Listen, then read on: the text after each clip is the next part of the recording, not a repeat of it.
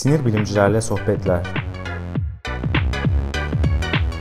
Nöroblok Laboratuvar başlıyor.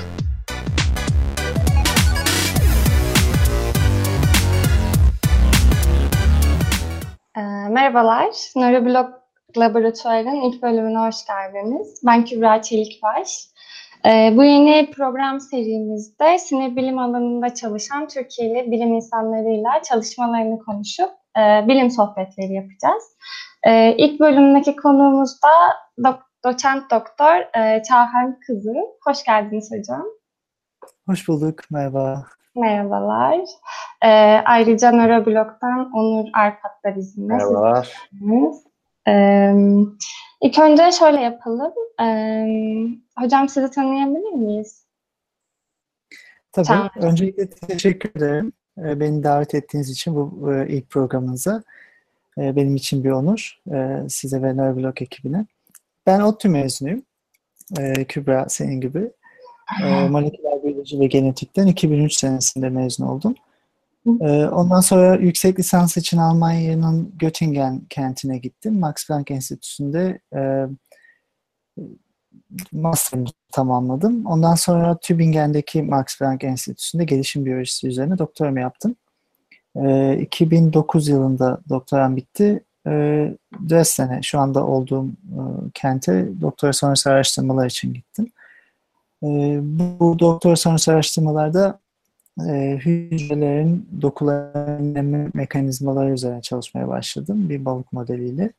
Hı hı. E, farklı e, organlarda ama daha çok sinir sisteminde. E, 2014'ten e, beri de Helmholtz Enstitüsü'ne bağlı e, Alman Nörodejeneratif Hastalıklar Merkezi'nde e, kendi laboratuvarım var. E, arkadaşlarımızla beraber e, sinir sistemi yenilenmesi, özellikle de Alzheimer koşullarında sinir sistemi nasıl kendi yeniler e, üzerine çalışıyoruz. Bunun Tamam. üzerinde konuşacağız galiba. Evet, o zaman ilk önce bir Alzheimer nedir, nasıl bir hastalıktır onu öğrenelim. Alzheimer, e, nörodejeneratif dediğimiz sinir hücrelerinin e, yavaş yavaş ölmesi ile ortaya çıkan bir hastalık. E, çok kompleks bir hastalık. E, çeşitli etkenleri var. E, genetik temeli olduğu bilinen bir hastalık. Hücre, hücrelerimizdeki bazı e, genlerdeki mutasyonlar belli tip proteinlerin daha çok yapılmasını sağlıyor ve bu e, fazla yapılma sonucunda e, toksik protein birikimlerini görüyoruz hücrelerde.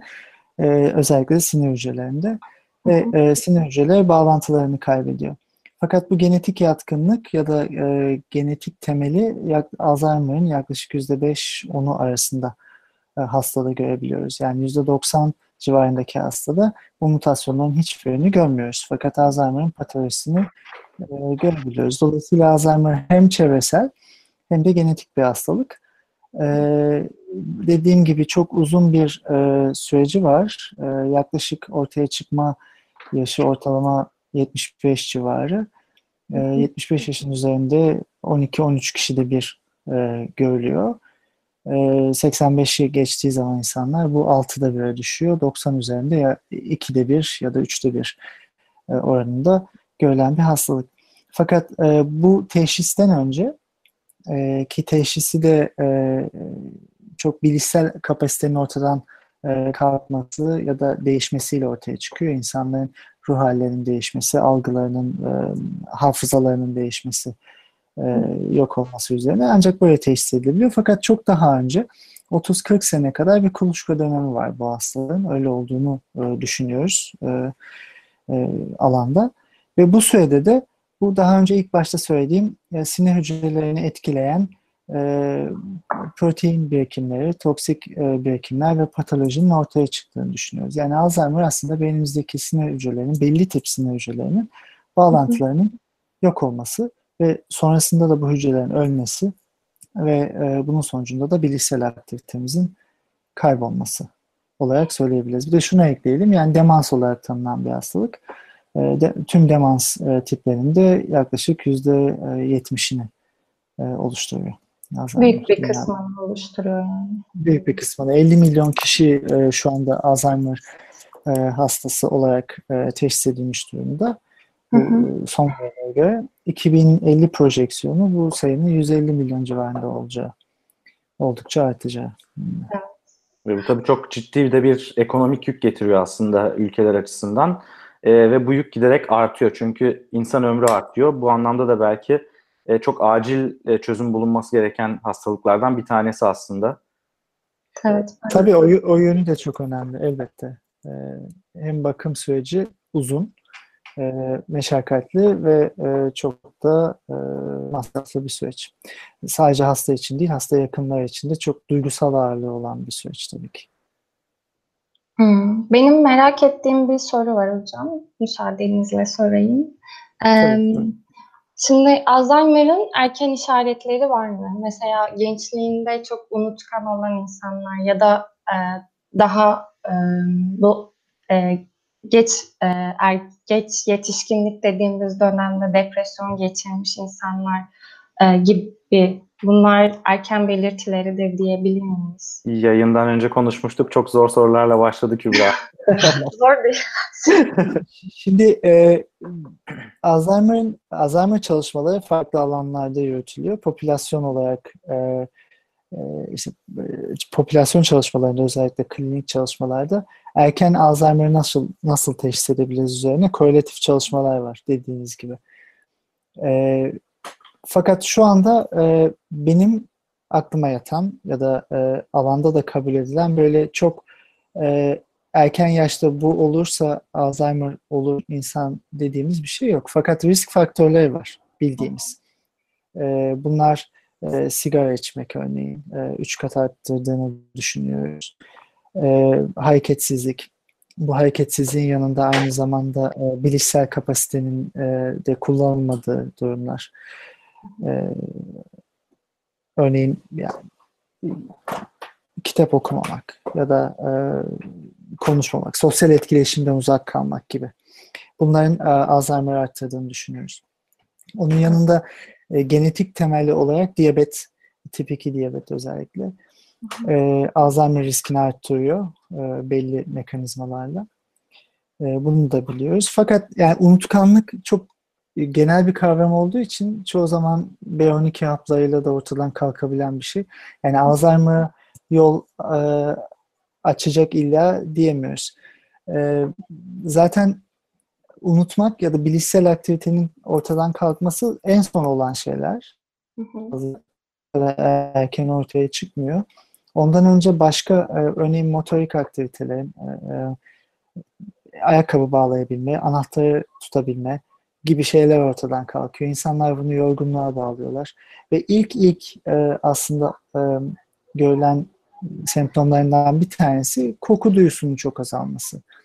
Çünkü koku, o, o, o factory, e, koku alan sinirler dediğimiz sinirlerin ortadan kalkması ilk başlıyor. E, beynin o bölgesinde ve oradan sonra e, beynin hipokampus dediğimiz bölgesindeki e, sinir hücreleri ortadan kalkmaya başlıyor ya da bağlantıların kopması.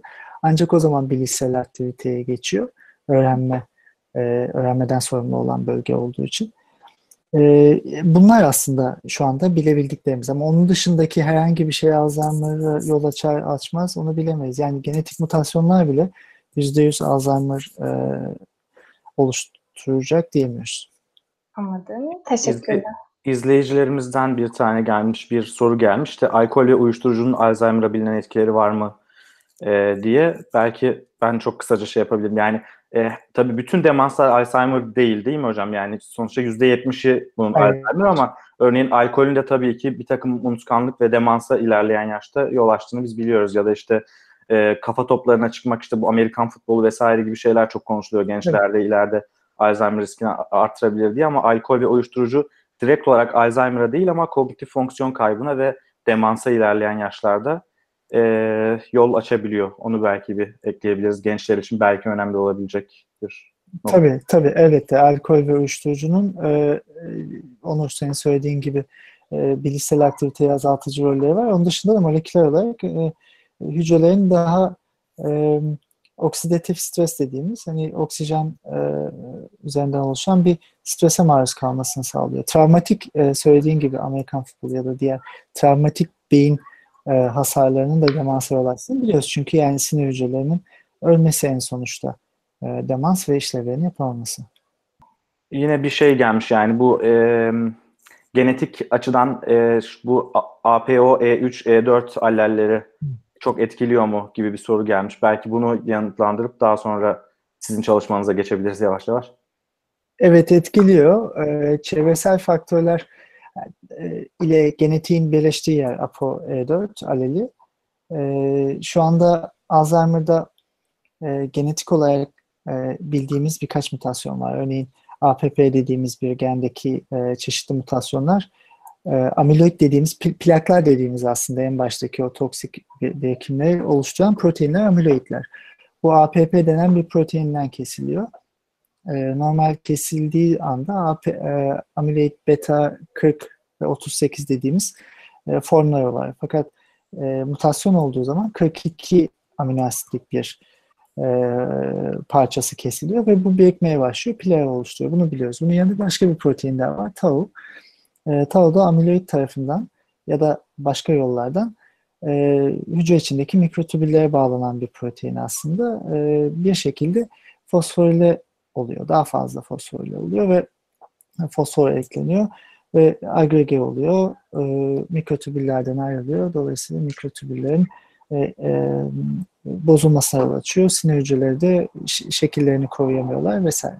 Şimdi bunların dışında evet e, e, çok uzun süre bu iki proteinin ana temel olduğunu düşündük. E, öylelerdi aslında ama bunun dışında başka şeyler de olmalı diye insanlar baktıklarında e, yine korelatif e, çalışmalardan işte Genome-Wide Association Studies dediğimiz e, birçok bir hastadan alınan e, işte genetik tanıyla e, bakılan mutasyonlardan çıkan birkaç mutasyon var. Bunlardan bir tanesi APOE4, bir tanesi de TREM2 dediğimiz son zamanlarda ortaya çıkan bu bağışıklık sistemindeki e, makrofajlarda aslında yani bağışıklık hücrelerimizin e, de olan onu etkileyen bir mutasyon e, enflamasyonu arttıran. Ama APOE4 e, amiloidin çok bilinmemekle beraber amiloidin taşınması ile ilgili e, bir e, bir gen aslında e, e, temizlenmesiyle ilgili olduğu düşünülüyor. Belli tip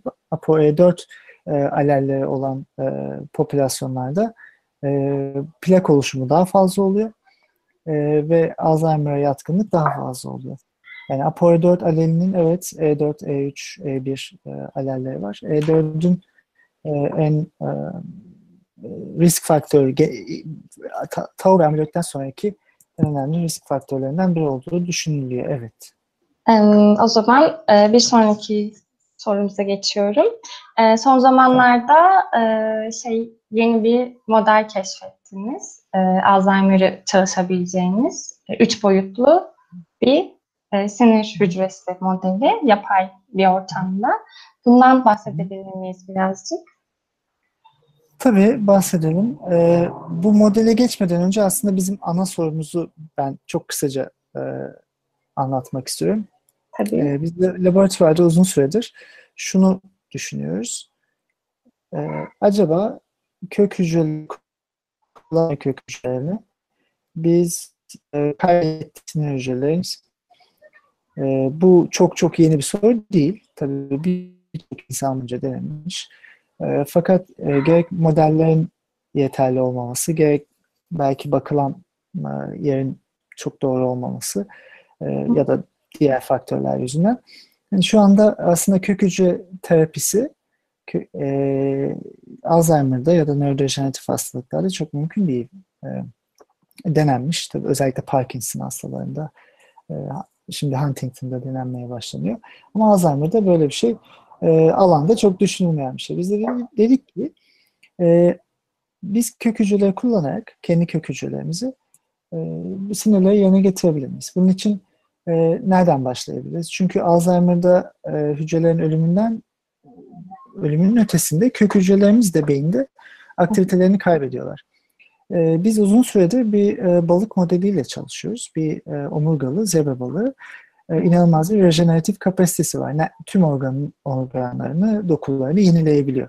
Örneğin beyninin bir kısmını çıkarttığınızda onu yenileyebiliyor. Sinir hücrelerini omuriliğinde ya da e, retinasında yenileyebiliyor. E, bizim uzun süredir sorumuz şuydu. E, bu balık neden bunu yapabiliyor ve sinir sisteminin kök hücreleri hangi moleküler programları kullanıyor ki bu o balıkta olanaklı. Ve evrimsel olarak çok yakınız o balıkla. E, genlerimiz de %90 oranında benzer. Fakat biz niye yapamıyoruz? E, oradan öğrendiğimizle belki bizim kendi sinir hücrelerimizi de e, yenilemenin yolunu açabiliriz diye. E, biz balıkta bir Alzheimer modeli yarattık ilk önce. E, orada gerçekten insan patolojisine benzer patolojiler gördük. Plaklar gördük, sinir hücrelerinin e, birbirleriyle iletişimleri azaldı, sinir hücreleri öldüler, e, enflamasyon gördük, e, bilişsel kayıp gördük, öğrenme zorluğu.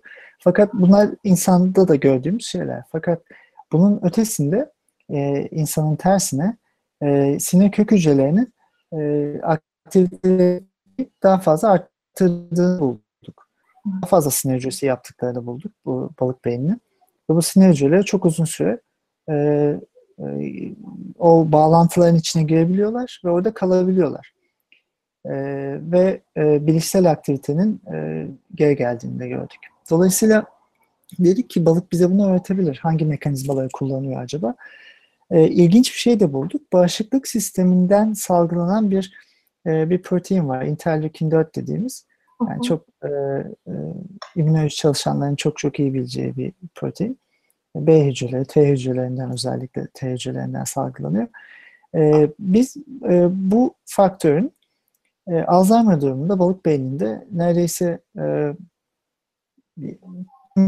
sinir hücrelerinden salgılanmaya başlandığını spesifik olarak e, normal beyinde yokken e, bu ve bu gördüm. E, sadece sinir e, sinir e, nöral kök hücrelerde olan reseptörüne bağlanıp nöral kök hücreleri bir şekilde aktive ettiğini bulduk. Yani e, bir immün, immün sistem e, sinirler üzerinden kök hücreleri kontrol ediyor ve böyle bir kompleks bir üçlü e, regülasyon bulduk. Sonra e, tabii ki e, yani bizim için ilginç olan şu, şu olacaktı. E, bu bu model e, bu moleküler model insanda da geçerli olabilir mi ya da memeli e, beyinde.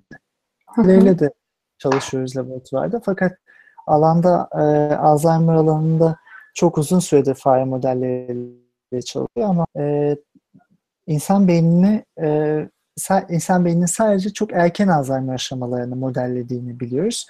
E, ve e, Alzheimer hastalığının tüm spektrumunu kapsamıyor.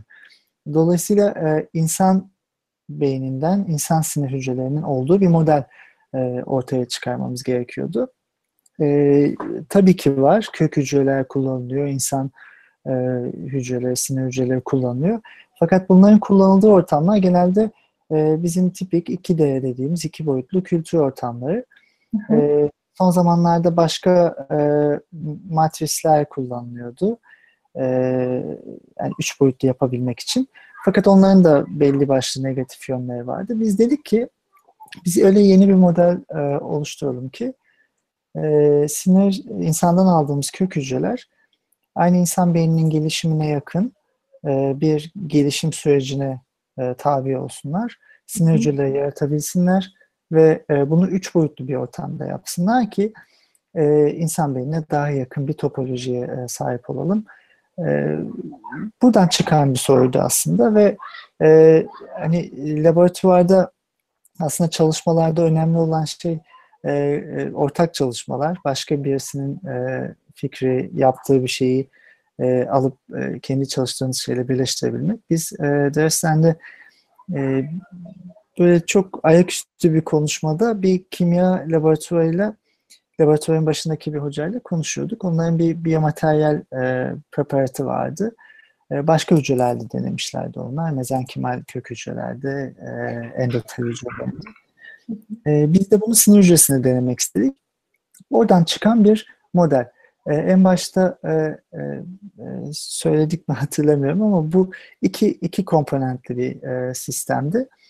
E, heparin dediğimiz e, yani beyinde çok bulunan ve aslında çok önemli bir protein olan heparinin e, polietilen glikol ile bir preparat aslında. E, bir polimer yarattık ve bu polimerin aslında ilginç olan kısmı e, her şey sentetik ve içine e, matrix metaloproteaz dediğimiz normalde hücreler tarafından salgılanan ve etraftaki e, hücrenin dışındaki proteinleri kesmek için kullanılan bir enzim. Hı hı. Matrix metaloproteaz. Bu enzimin tanıdığı bir protein sekansı var. E, bunu da koyduk oraya ki hani bu jel e, biointeraktif olsun. E, hücreler belki etraflarını kesip kendilerine bir niş dediğimiz e, kendi etrafını yaratabilirler diye. Evet. Bu gerçekten çok iyi çalıştı. Biz e, insan sinir hücre, kök hücrelerini oraya koyduğumuzda e, bu mat matrisi kendine kesebiliyorlar, çoğalabiliyorlar. E, kendi ekstraselüler e, protein e, ortamını yaratıyorlar. Oradan sonra da e, diferansiyel oluyorlar. Yani sinir hücrelerine dönüşüyorlar. Ve e, çok fazla yani beyin, beyindeki sinir hücrelerinin aslında korteksimizdeki e, 6-7 e, e, tabaka var. Bu tabakaların her birindeki aslında nöronlara dönüşebildiklerini gördük. Bu bizim Hı. için e, çok güzel, inanılmaz bir şeydi. E, yani çok sevindirici bir şeydi ve bunun üzerine eğer dedik kök hücreler bu şekilde sinir hücreleri yaratabiliyorlarsa aslında bizim sorumuz da tam Alzheimer durumunda bu kök hücreler o sinir hücrelerini yeniden yaratabilecekler mi? Evet. E, o nedenle Alzheimer modelledik. E, çok tabii deneysel bir model bu. Hı hı. E, demin söylediğim plakları oluşturan amiloid proteinler var. Biz bu jel içinde plakları oluşturduk. Ve kök hı. hücreler aynı insan beynindeki gibi sinir hücresi yapabilme kapasitelerini kaybettiler. Çok az sinir yapabilseler bile aynı insan beynindeki gibi e, tüm patolojileri gördük. Bağlantıları çok azaldı. E, içlerinde tau dediğimiz proteinler e, mikrotübüller bozulmaya başladı vesaire. E, bu, bu da bizim için iyiydi. Ve sonra da e, şöyle alanda şöyle bir soru var aslında bizim e, Alzheimer alanında. Çok nörosentrik bir bakış var. Sinir hücrelerinin öldüğü, sinir hücreleri öldüğü için dolayısıyla bu e, hastalık bir sinir hücresi hastalığı. Hı hı. Bir bakıma doğru tabii ki. Fakat e, bu belki bir kök hücre hastalığı da olabilir. Belki bağışıklık sistemi hastalığı da olabilir. O nedenle biz e, şunu düşündük. Eğer ki biz rejeneratif bir e, terapi amaçlıyorsak e, bizim kö kendi kök hücrelerimizle Alzheimer beyninde ki biz bunu çok geç e, fark edebiliyoruz. O fark ettiğimiz anda kök hücreler sinir hücresi yapabiliyor olmalılar. Biz bir şekilde onları etkilemeliyiz ki e, yeni sinir hücreleri yapabilmeliler. E, bizim modelimiz bunun için çok iyiydi ve balıktaki bilgimizi aldık. E, interleukin 4'ü dedik eğer e, ortama koyarsak acaba ne olacak? E, gerçekten interleukin 4 ile beraber Alzheimer modelini yaptığımızda o plaklara rağmen e, normal sinir hücresi e, ağları yaratıldı. Kök hücreler normal aktivitelerine geri döndüler. E, ve sanki hiç plak yokmuş gibi e, beyin topolojisini geliştirebildiler. E, bir de bunun e, metabolik bir mekanizmasını bulduk. Yani interleukin bunu hücrelerde nasıl yapıyor. E, hücre içinde e, değişen bir mekanizmayı bulduk. Yani aslında bu bizim için e, çalışmalarımızın, sorularımızın devamını e, devamında kullanabileceğimiz bir insan Model. beyni laboratuvardaki modeliydi. Hı hı. E, yani bu çok çalışılan ve istenen bir şey aslında. Başka modeller de var. Ama bizim modelimizin özelliği kök hücre temelli olması. Yani kök hücre plastisitesine bakıyor olmamız. E, sinir hücrelerini yaratıp e, sinir hücresindeki patolojiye bakmıyor olmamız. Dolayısıyla alana da e, sinir hücresi temelli, e, sinir kök hücresi temelli e, bir terapi olanlarını aslında gerçekçi olarak sunmak. Evet. Ee, peki hocam şey yapılabilir mi? Ee, bağışıklık hücrelerinin de rolü olduğunu siz söylediniz zaten. Ee, bu ortama, bu e, üç boyutlu oluşturduğumuz matriksin içine bu hücreler de dahil edilebilip sonra aralarındaki etkiye bakılabilir mi? Nasıl etkileşiyorlar birbirleriyle? Tabii tabii yapılabilir. Aslında e, bizimle neredeyse eş zamanlı olarak yani bu bu alanda çalışan e, üç boyutlu yani bizimkine benzer çalışan bir laboratuvar daha var Amerika'da. E, beraber de çalışmalar yapıyoruz. Onlar mikrofluidik bir e, alet içinde yani bir dizaynda e, böyle bir jelde Alzheimer modellemesi yapıp başka bir yerde immün hücrelerini koyup e, immün hücrelerin salgıladığı moleküllerin o Alzheimer modelinde nasıl etkili olduğunu gösterdiler.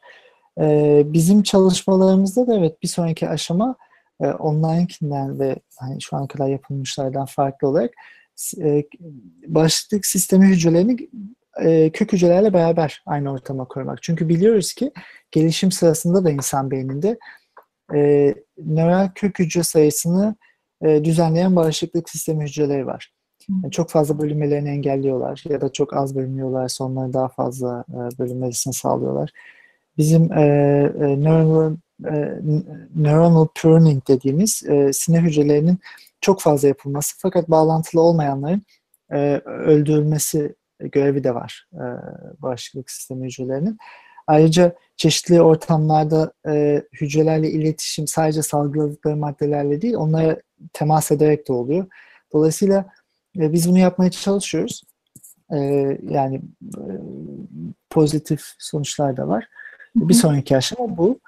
E, onun da ötesinde tabii e, birçok hücreyi ne kadar çok be, beyindeki hücreyi katarsak işin içine o kadar gerçekçi, gerçekçi bir, bir model. model olacak. Tabii bizimki şimdi biraz indirgemeci bir model, kök hücre temelli. Fakat onu geliştirmeyi düşünüyoruz evet. Ee, peki çevrenin etkisini eklemek mümkün mü? Mesela sigara dedik, alkol dedik, bunlar etkiliyor dedik. Ee, bunu bu modele nasıl entegre edebiliriz çevreyi bir şekilde? Ee, Şimdi çevrenin etkisinin e, vücutta e, moleküler olarak nasıl etkili olduğunu e, bildiğimiz birkaç e, e, yol var. Yani Şimdi çevre diyoruz ama e, tabii güneş e, mesela UV e, derimize geliyor. Hücrelerin mutasyonunu geçiyor ya da ölmesini sağlıyor. Oradan P53 aktive oluyor vesaire. Sigara içmek de aynı şekilde. O da işte ciğerlerde bir şey yol açıyor. İçindeki maddelerin etkisi var vesaire. Ee, eğer ki şimdi bizim modelimiz tabii şöyle düşünmek lazım. Birçok e, dış etken periferide etki ediyor. Yani DNA'ya ya da o hücrelere gelmeden önce, beyne gelmeden önce başka bir yerde metabolize oluyor. Ee, başka bir e, ürün ortaya çıkıyor ve o beyine geliyor. Dolayısıyla bu ürünleri kullanarak evet e, kök hücreler üzerinde nasıl bir etkisi var bulabiliriz. E, fakat direkt olarak örneğin alkol, örneğin etanol kullanılıyor. Bu yapılan e, deneyler. Örneğin anne karnında al, yani hamileyken alkol kullanılmasının bebeğe etkisi nedir, beyne etkisi nedir üzerine çalışmalar var alkol kullanarak. E, bunlar yapılabilir ama etken maddeyi bul- biliyor olmamız lazım. Tamam. E, e, bir de tabii şey var yani reactive oxygen species dediğimiz oksijenin e, bir oksijen radikali haline gelmesi ve e, DNA'ya saldırması e, bu konuda da çalışmalar yapılabilir. Yani birçok bir, bir konuda yapılıyor tabii. Zika virüsü üzerine çalışmalar yapılıyor. E, çok fazla bu üç boyutlu kültürlerde. Yok, Zika virüsü gelişmekte olan e, fetüsteki beyin e, kök hücrelerini ve sinir oluşumunu etkilediği için direkt olarak bu tip çalışmalarda örneğin e, bize çok anlamlı sonuçlar verdi yani alana. Yani sizin bu modeliniz üzerinde de aslında birçok hani hepsi olmasa da e, Alzheimer'ın yani Alzheimer etkilediği düşünülen birçok e, farklı e, faktör de denenebilir aslında bu anlamda herhalde. Yani e, laboratuvarlarda da kullanılmak üzere bir lab, e, bir şey ürettiniz aslında siz değil mi? Sadece sizin laboratuvarınızda devam etmiş değil. Başka insanlar da bunu alıp başka laboratuvarlarda e, hangi faktörlerin Alzheimer gelişimine nasıl bir etki ettiğini ya da en azından plak gelişimine e, bunu deneyebilir. Tabii yani Alzheimer konusunda evet zaten şu anda kolaborasyonlarımız var. Başka laboratuvarlarla da beraber çalışıyoruz. Onlar başka yerlerden bakıyorlar. Çok adapte edilebilen bir sistem bu. Ama sadece Alzheimer da değil. Bizim ilk başta anlattığım bu aslında bir e, insan beyin gelişim modeli de aynı zamanda. Dolayısıyla gelişim sürecinde e, e, fetüs beynindeki gelişimin herhangi bir şeyle ilgilenen bir laboratuvarda bunu çalışabilir. Toksisite deneyleri de yapılabilir. E, ilaç geliştirme e, modeli olarak da kullanılabilir. Yani çok kapsamlı ve çok geniş bir model. E, zaten biyomateryal alanı da e, biyo, biyomühendislik alanında böyle modeller üretmek üzerinden bir e, hedefi var. Bizim için çok uygun bir sistem oldu ve e, Alzheimer'da geliştirebileceğimiz bir sistem ama onun dışında başka modellerde evet kullanılabilir. Ee, belki şizofreni çalışanlar çok sevinebilirler. Çünkü hayvan modeli yok. Şizofreninin şu anda güvenilir olarak çalışabileceğimiz. Ee, onun için de güzel olabilir diye düşünüyorum. Evet zaten şu anda örneğin gen gene editing, CRISPR, e, Cas9 modelleriyle yani istediğimiz geni e, mutasyonu yaratabiliyoruz. E, bu şekilde herhangi bir hastalığın eğer genetik temeli varsa ya da yatkınlık e, ile ilgili varsa ya da hastalardan alınan hücrelerin e, dönüştürülmesiyle oluşturulabilen modeller e, bu sistemde kullanılabilir. Biz de zaten kendi modelimizde hem e, primer hücre kullandık yani fetüs beyninden alınan hücre hem de e, yetişkin e, insanın fibroblastlarından dönü, kök hücreye dönüştürülmüş hücreyi kullandık. İkisi de aynı sonucu verdi. Yani herhangi bir e, hücre ya da e, hücre tipi hastalık modeli bu burada kullanılabilir. Yani aslında sistemin en temeldeki yeniliği üç boyutlu bir insan beyni topolojisini bize veriyor olması. Evet. evet. Hayvanseverler de çok sevinecek gibi bu habere. Daha az fare kullanabileceği için. Evet, evet, evet. Yani ben ben de ona inanıyorum. Hani farenin bize bu anlamda veremediği birçok şeyi bu tip Hı-hı. modeller verebilir. E, çünkü kontrol edebildiğimiz fizik, fiziko-kimyasal e, parametreleri de kontrol edebildiğimiz bir model. Bu Hı-hı. anlamda da organoidlerden ki organoidler çok daha gelişkin e, üç boyutlu beyin yapıları onlardan Hı-hı. da ayrılan bir model aslında. Evet. Ben şurada YouTube'dan bir e, soru sorayım. Kübra Gülmez Karaca sormuş. E, ona da bir hem selam gönderelim hem de demiş ki e, gamma frekansındaki dalgaların Alzheimer fare modeli üzerinde olumlu etkisi gözlenmişti. E, bu tür dalgaların etkisini kendi ürettikleri kök hücre Alzheimer modelinde test etmek mümkün mü? Gibi bir soru sormuş. E, mümkün tabii ki. Yani e, yanlış hatırlamıyorsam düzeltin lütfen. E, plakların oluşumunu engellemesi ve dolayısıyla kognitif bilişsel fonksiyonların geri gelmesi üzerinden bir çalışmaydı bu. Ee, yani plak temelli bir e, bakış açınız varsa eğer e, hastalığa elbette denenebilir. O zaman e, ben şunu sorayım bundan sonra. E, Alzheimer çalışmaları bundan sonra hangi yöne gider? Hızlanır mı? E, çünkü bu zamana kadar çok bir ilerleme olmamıştı. Çok fazla çalışılmasına rağmen. E, ne düşünüyorsunuz bu konuda? Ben bir ek yapayım belki. Yani her şey biraz daha sanki nöroimmünolojiye doğru mu kayıyor?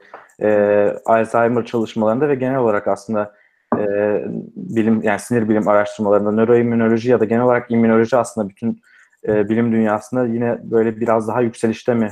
Evet. E, son 5-10 senedir e, bir yükselişte zaten.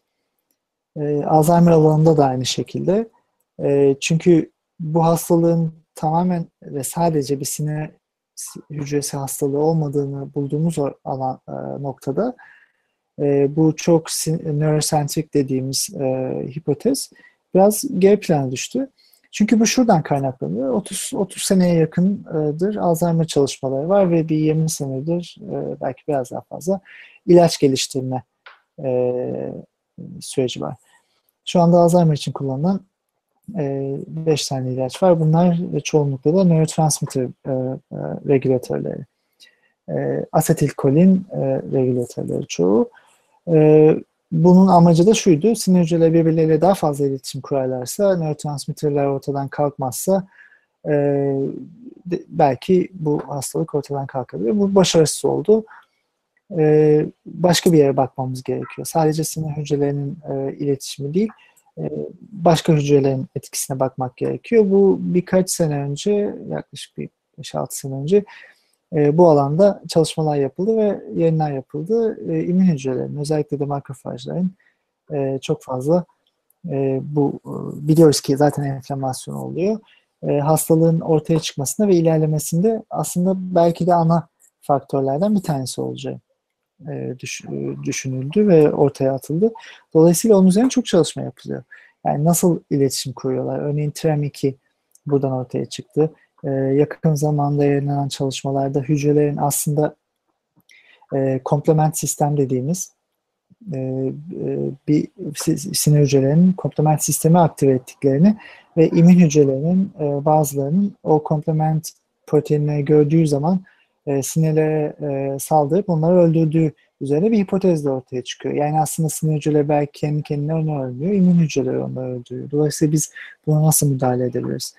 Bunun yanında e, nöral kök hücrelerin çok immünomodülatör fonksiyonları olduğunu biliyoruz. Yani birçok kök hücre immün sistemi regüle ediyor ve insanda da aslında baktığımızda birçok e, sinir kök hücresiyle immün hücresinin aynı molekülleri sentezlediğini, aynı e, programları kullandığını da biliyoruz. Dolayısıyla e, immün sistemine benzer bir hücre tipi de sinir sistemi e, kök hücreleri. Dolayısıyla bu iki hücre tipi çok ön plana çıktı. Ve dediğiniz gibi e, alan biraz o tarafa şu anda kaymış durumda. E, biz nasıl nöromodülatör bir etki yapabiliriz? E, ama hangi aşamada yapabiliriz ve e, ne kadar yapabiliriz? Yani immün sistemde tamamen e, kötü değil. E, orada olması gereken bir şey. E, hangi aşamalarda biz baskılayabiliriz? Hangi aşamalarda aktive edebiliriz? E, üzerine çok çalışma yürütülüyor. Bence alan buraya gidiyor zaten.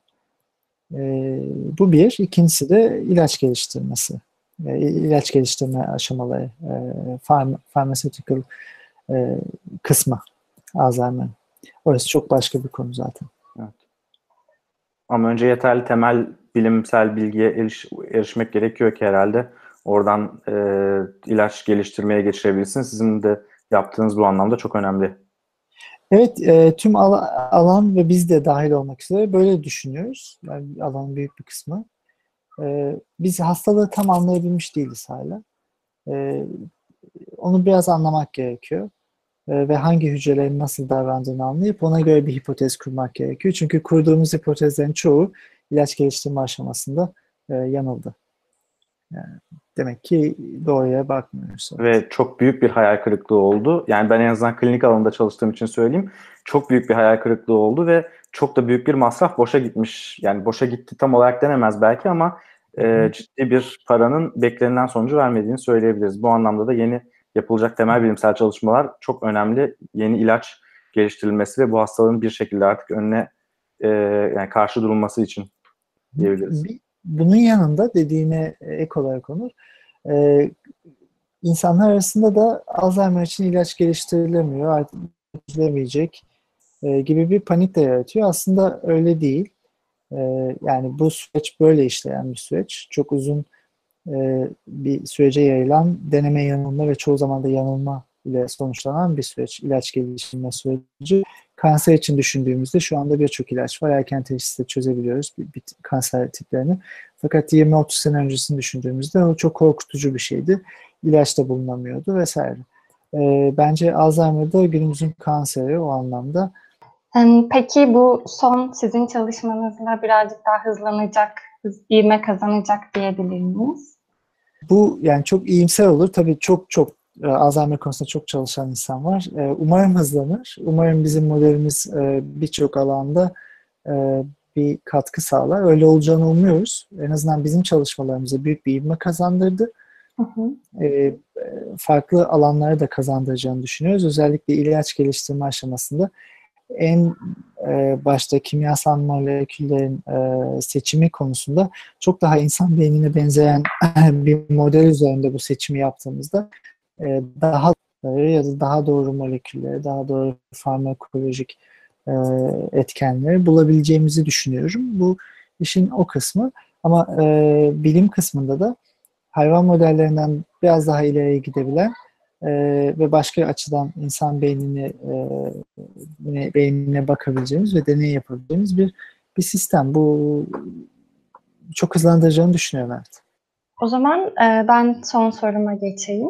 E, Birçok öğrenci dinliyor bizi şu anda. Yurt dışında doktora, yüksek lisans hayalleri olan, belki lise öğrencileri de olabilir. Onlara önerileriniz var mı? Biz böyle değerli Ee, insanları aldığımız yani- zaman hep böyle en sonunda bir kariyer günleri sorusu Evet. soruyoruz. yani kariyer günlerine ne tavsiye edersiniz siz? Sizin arkanızdan gelenlere? Şimdi tabii çok yapılacak çok öneri var. Ee, ama öncelikle çalışmak istedikleri konuyu kendilerine konuları tavsiye ederim. Ee, çok ilgilendikleri konulardaki yetkin insanlarla direkt temas ee, genelde ya ben hani bir yanıt gelmez e, diye düşünmesinler, yazsınlar. E, o insanlar varsa Türkiye'delerse e, orada gidip çalışmaya çalışsınlar. Staj olabilir. Eğer soru, sorular kısa zamanımız bana yazabilirler. Hı hı. E, farklı bir özel kariyer günü yapabiliriz. Yani arkadaşlar kısaca. Aa, çok Bilmiyorum. güzel. Olur. Son olarak o zaman ne söylemek istiyorsunuz? Herkesten alalım. Sonra programı bitirelim. Ben hocaya geçmeden çok kısa bir şey söyleyeyim. Tabii. Burada yani belki benim yanıtlayabileceğim bir, birkaç tane soru var. Hoca e, hiç yormadan B12 eksikliğinin ilerleyip Alzheimer'a sebep olduğu doğru mu? E, doğru değil. Yani B12 ek- önlenebilir demans sebeplerinden bir tanesidir. B12 e, eksikliğini giderdiğiniz durumda e, B12 eksikliği demansa ilerlemeyecektir. En azından bildiğimiz böyle bir ilişki yok. E, bir de şeyle ilgili alüminyum birikmesiyle demans olur mu gibi bir şey gelmiş. Yani alüminyum, civa, bunun gibi ağır metaller tabii ki kognitif fonksiyonlar açısından birikmeleri beyin için tehlikelidir, zararlıdır. Ee, ama yani alüminyum nasıl birikir? Çok zor yani hani özellikle zehirlenmiyorsanız eğer ya da çok kötü kaplar kullanmıyorsanız alüminyum vücudunda vücudunuza birikmesi e, zor muhtemelen. E, onları yanıtlayayım. Pek çok başka soru gelmiş hocam size ama yani hepsini iletmemiz çok mümkün değil. Özellikle kök hücrelerle ilgili çok fazla e, soru gelmiş. Yani kök hücre tedavisine nasıl bakıyorsunuz, etik vesaire gibi ama bu aslında biraz konumuzun epey dışında, epey uzak alanında bir yerlerde kalıyor diye düşünüyorum. Yine de hani bu meselenin en azından şu soruyu yanıtlayabiliriz belki. Kök hücreyle mi çözülecek yoksa e, farmakolojik bir takım e, çabalarla mı çözülecek gibi bir soru vardı. Onu belki size son olarak sorabilirim bu e, YouTube sorularından. İkisi birbirinden farklı değil bence. Zaten farmakolojik olarak neyi etkileyeceğiz? Ee, kök hücreleri etkileyebiliriz. Ee, sinir hücrelerini etkileyebiliriz. Yani kök hücrelerin kendilerini yeniden e, çoğaltmalarının bir farmakolojik yolunu bulursak o da bir çözüm olabilir. Ee, kök hücrenin etik konusunda ben çok kısa değineyim. Ee, o çok farklı bir konu ama e, örneğin e, şu anda sen, merkezi sinir sistemi hastalıklarında dejeneratif hastalıklarda mak e, maküler dejenerasyon e, retinada görme bozukluğuna yol açan bir hastalık. Japonya'da ve Avrupa'nın bazı ülkelerinde de planlar yapılmakta. Kök hücre tedavisine geçiliyor. Bu çok etik ve e, klinik olarak artık yapılabilecek bir şey. E, dolayısıyla kök hücrenin nasıl kullanıldığını ve nereden alındığını e, yapılma sürecine çok müdahale ederek ve kontrol ederek çok etik bir şekilde bu hastalıklara müdahale edilebilir. Ben çok teşekkür ederim beni davet ettiğiniz için. Ee, buradan e, arkadaşlarımızla, çalışma arkadaşlarımızla, öğrencilerimizle, e, bizi izleyenlere de çok teşekkür ederim. E, başka sorular olursa e, benimle temasa geçebilirler. E, bunu söyleyelim. Bundan sonra da bir e, tanışma, e, ilk tanışma diyelim buna. Peki biz de çok teşekkür ederiz. Yeni serimizin ilk bölümüne konuk olduğunuz için bizi kırmayıp. E, ben çok teşekkür ederim. Buyur Kübra. Sen açtın, sen kapatabilirsin. Çünkü ben şunu söyleyeyim yani aslında program Kübra'nın ben burada yancı olarak geldim. Kübra bundan sonra devam edecek programa. o yüzden sana vereyim sözü. E, biz de böyle ilk programda çok değerli bir konu ağırlamış olduğumuz için çok mutluyuz. Ee, umarım güzel haberler duymaya devam ederiz Kızıllat'tan. Ee, teşekkür ediyorum izleyen herkese. Ee, soruları olursa e, Çağan Hoca'nın söylediği gibi belki Çağan Hoca'ya iletebilirler gerçekten merak edenler. Bu kadar. İyi akşamlar diliyorum herkese. İyi akşamlar diliyoruz, iyi geceler. Ben de iyi akşamlar diliyorum. Sevgili Kübra, Onur çok teşekkürler tekrar.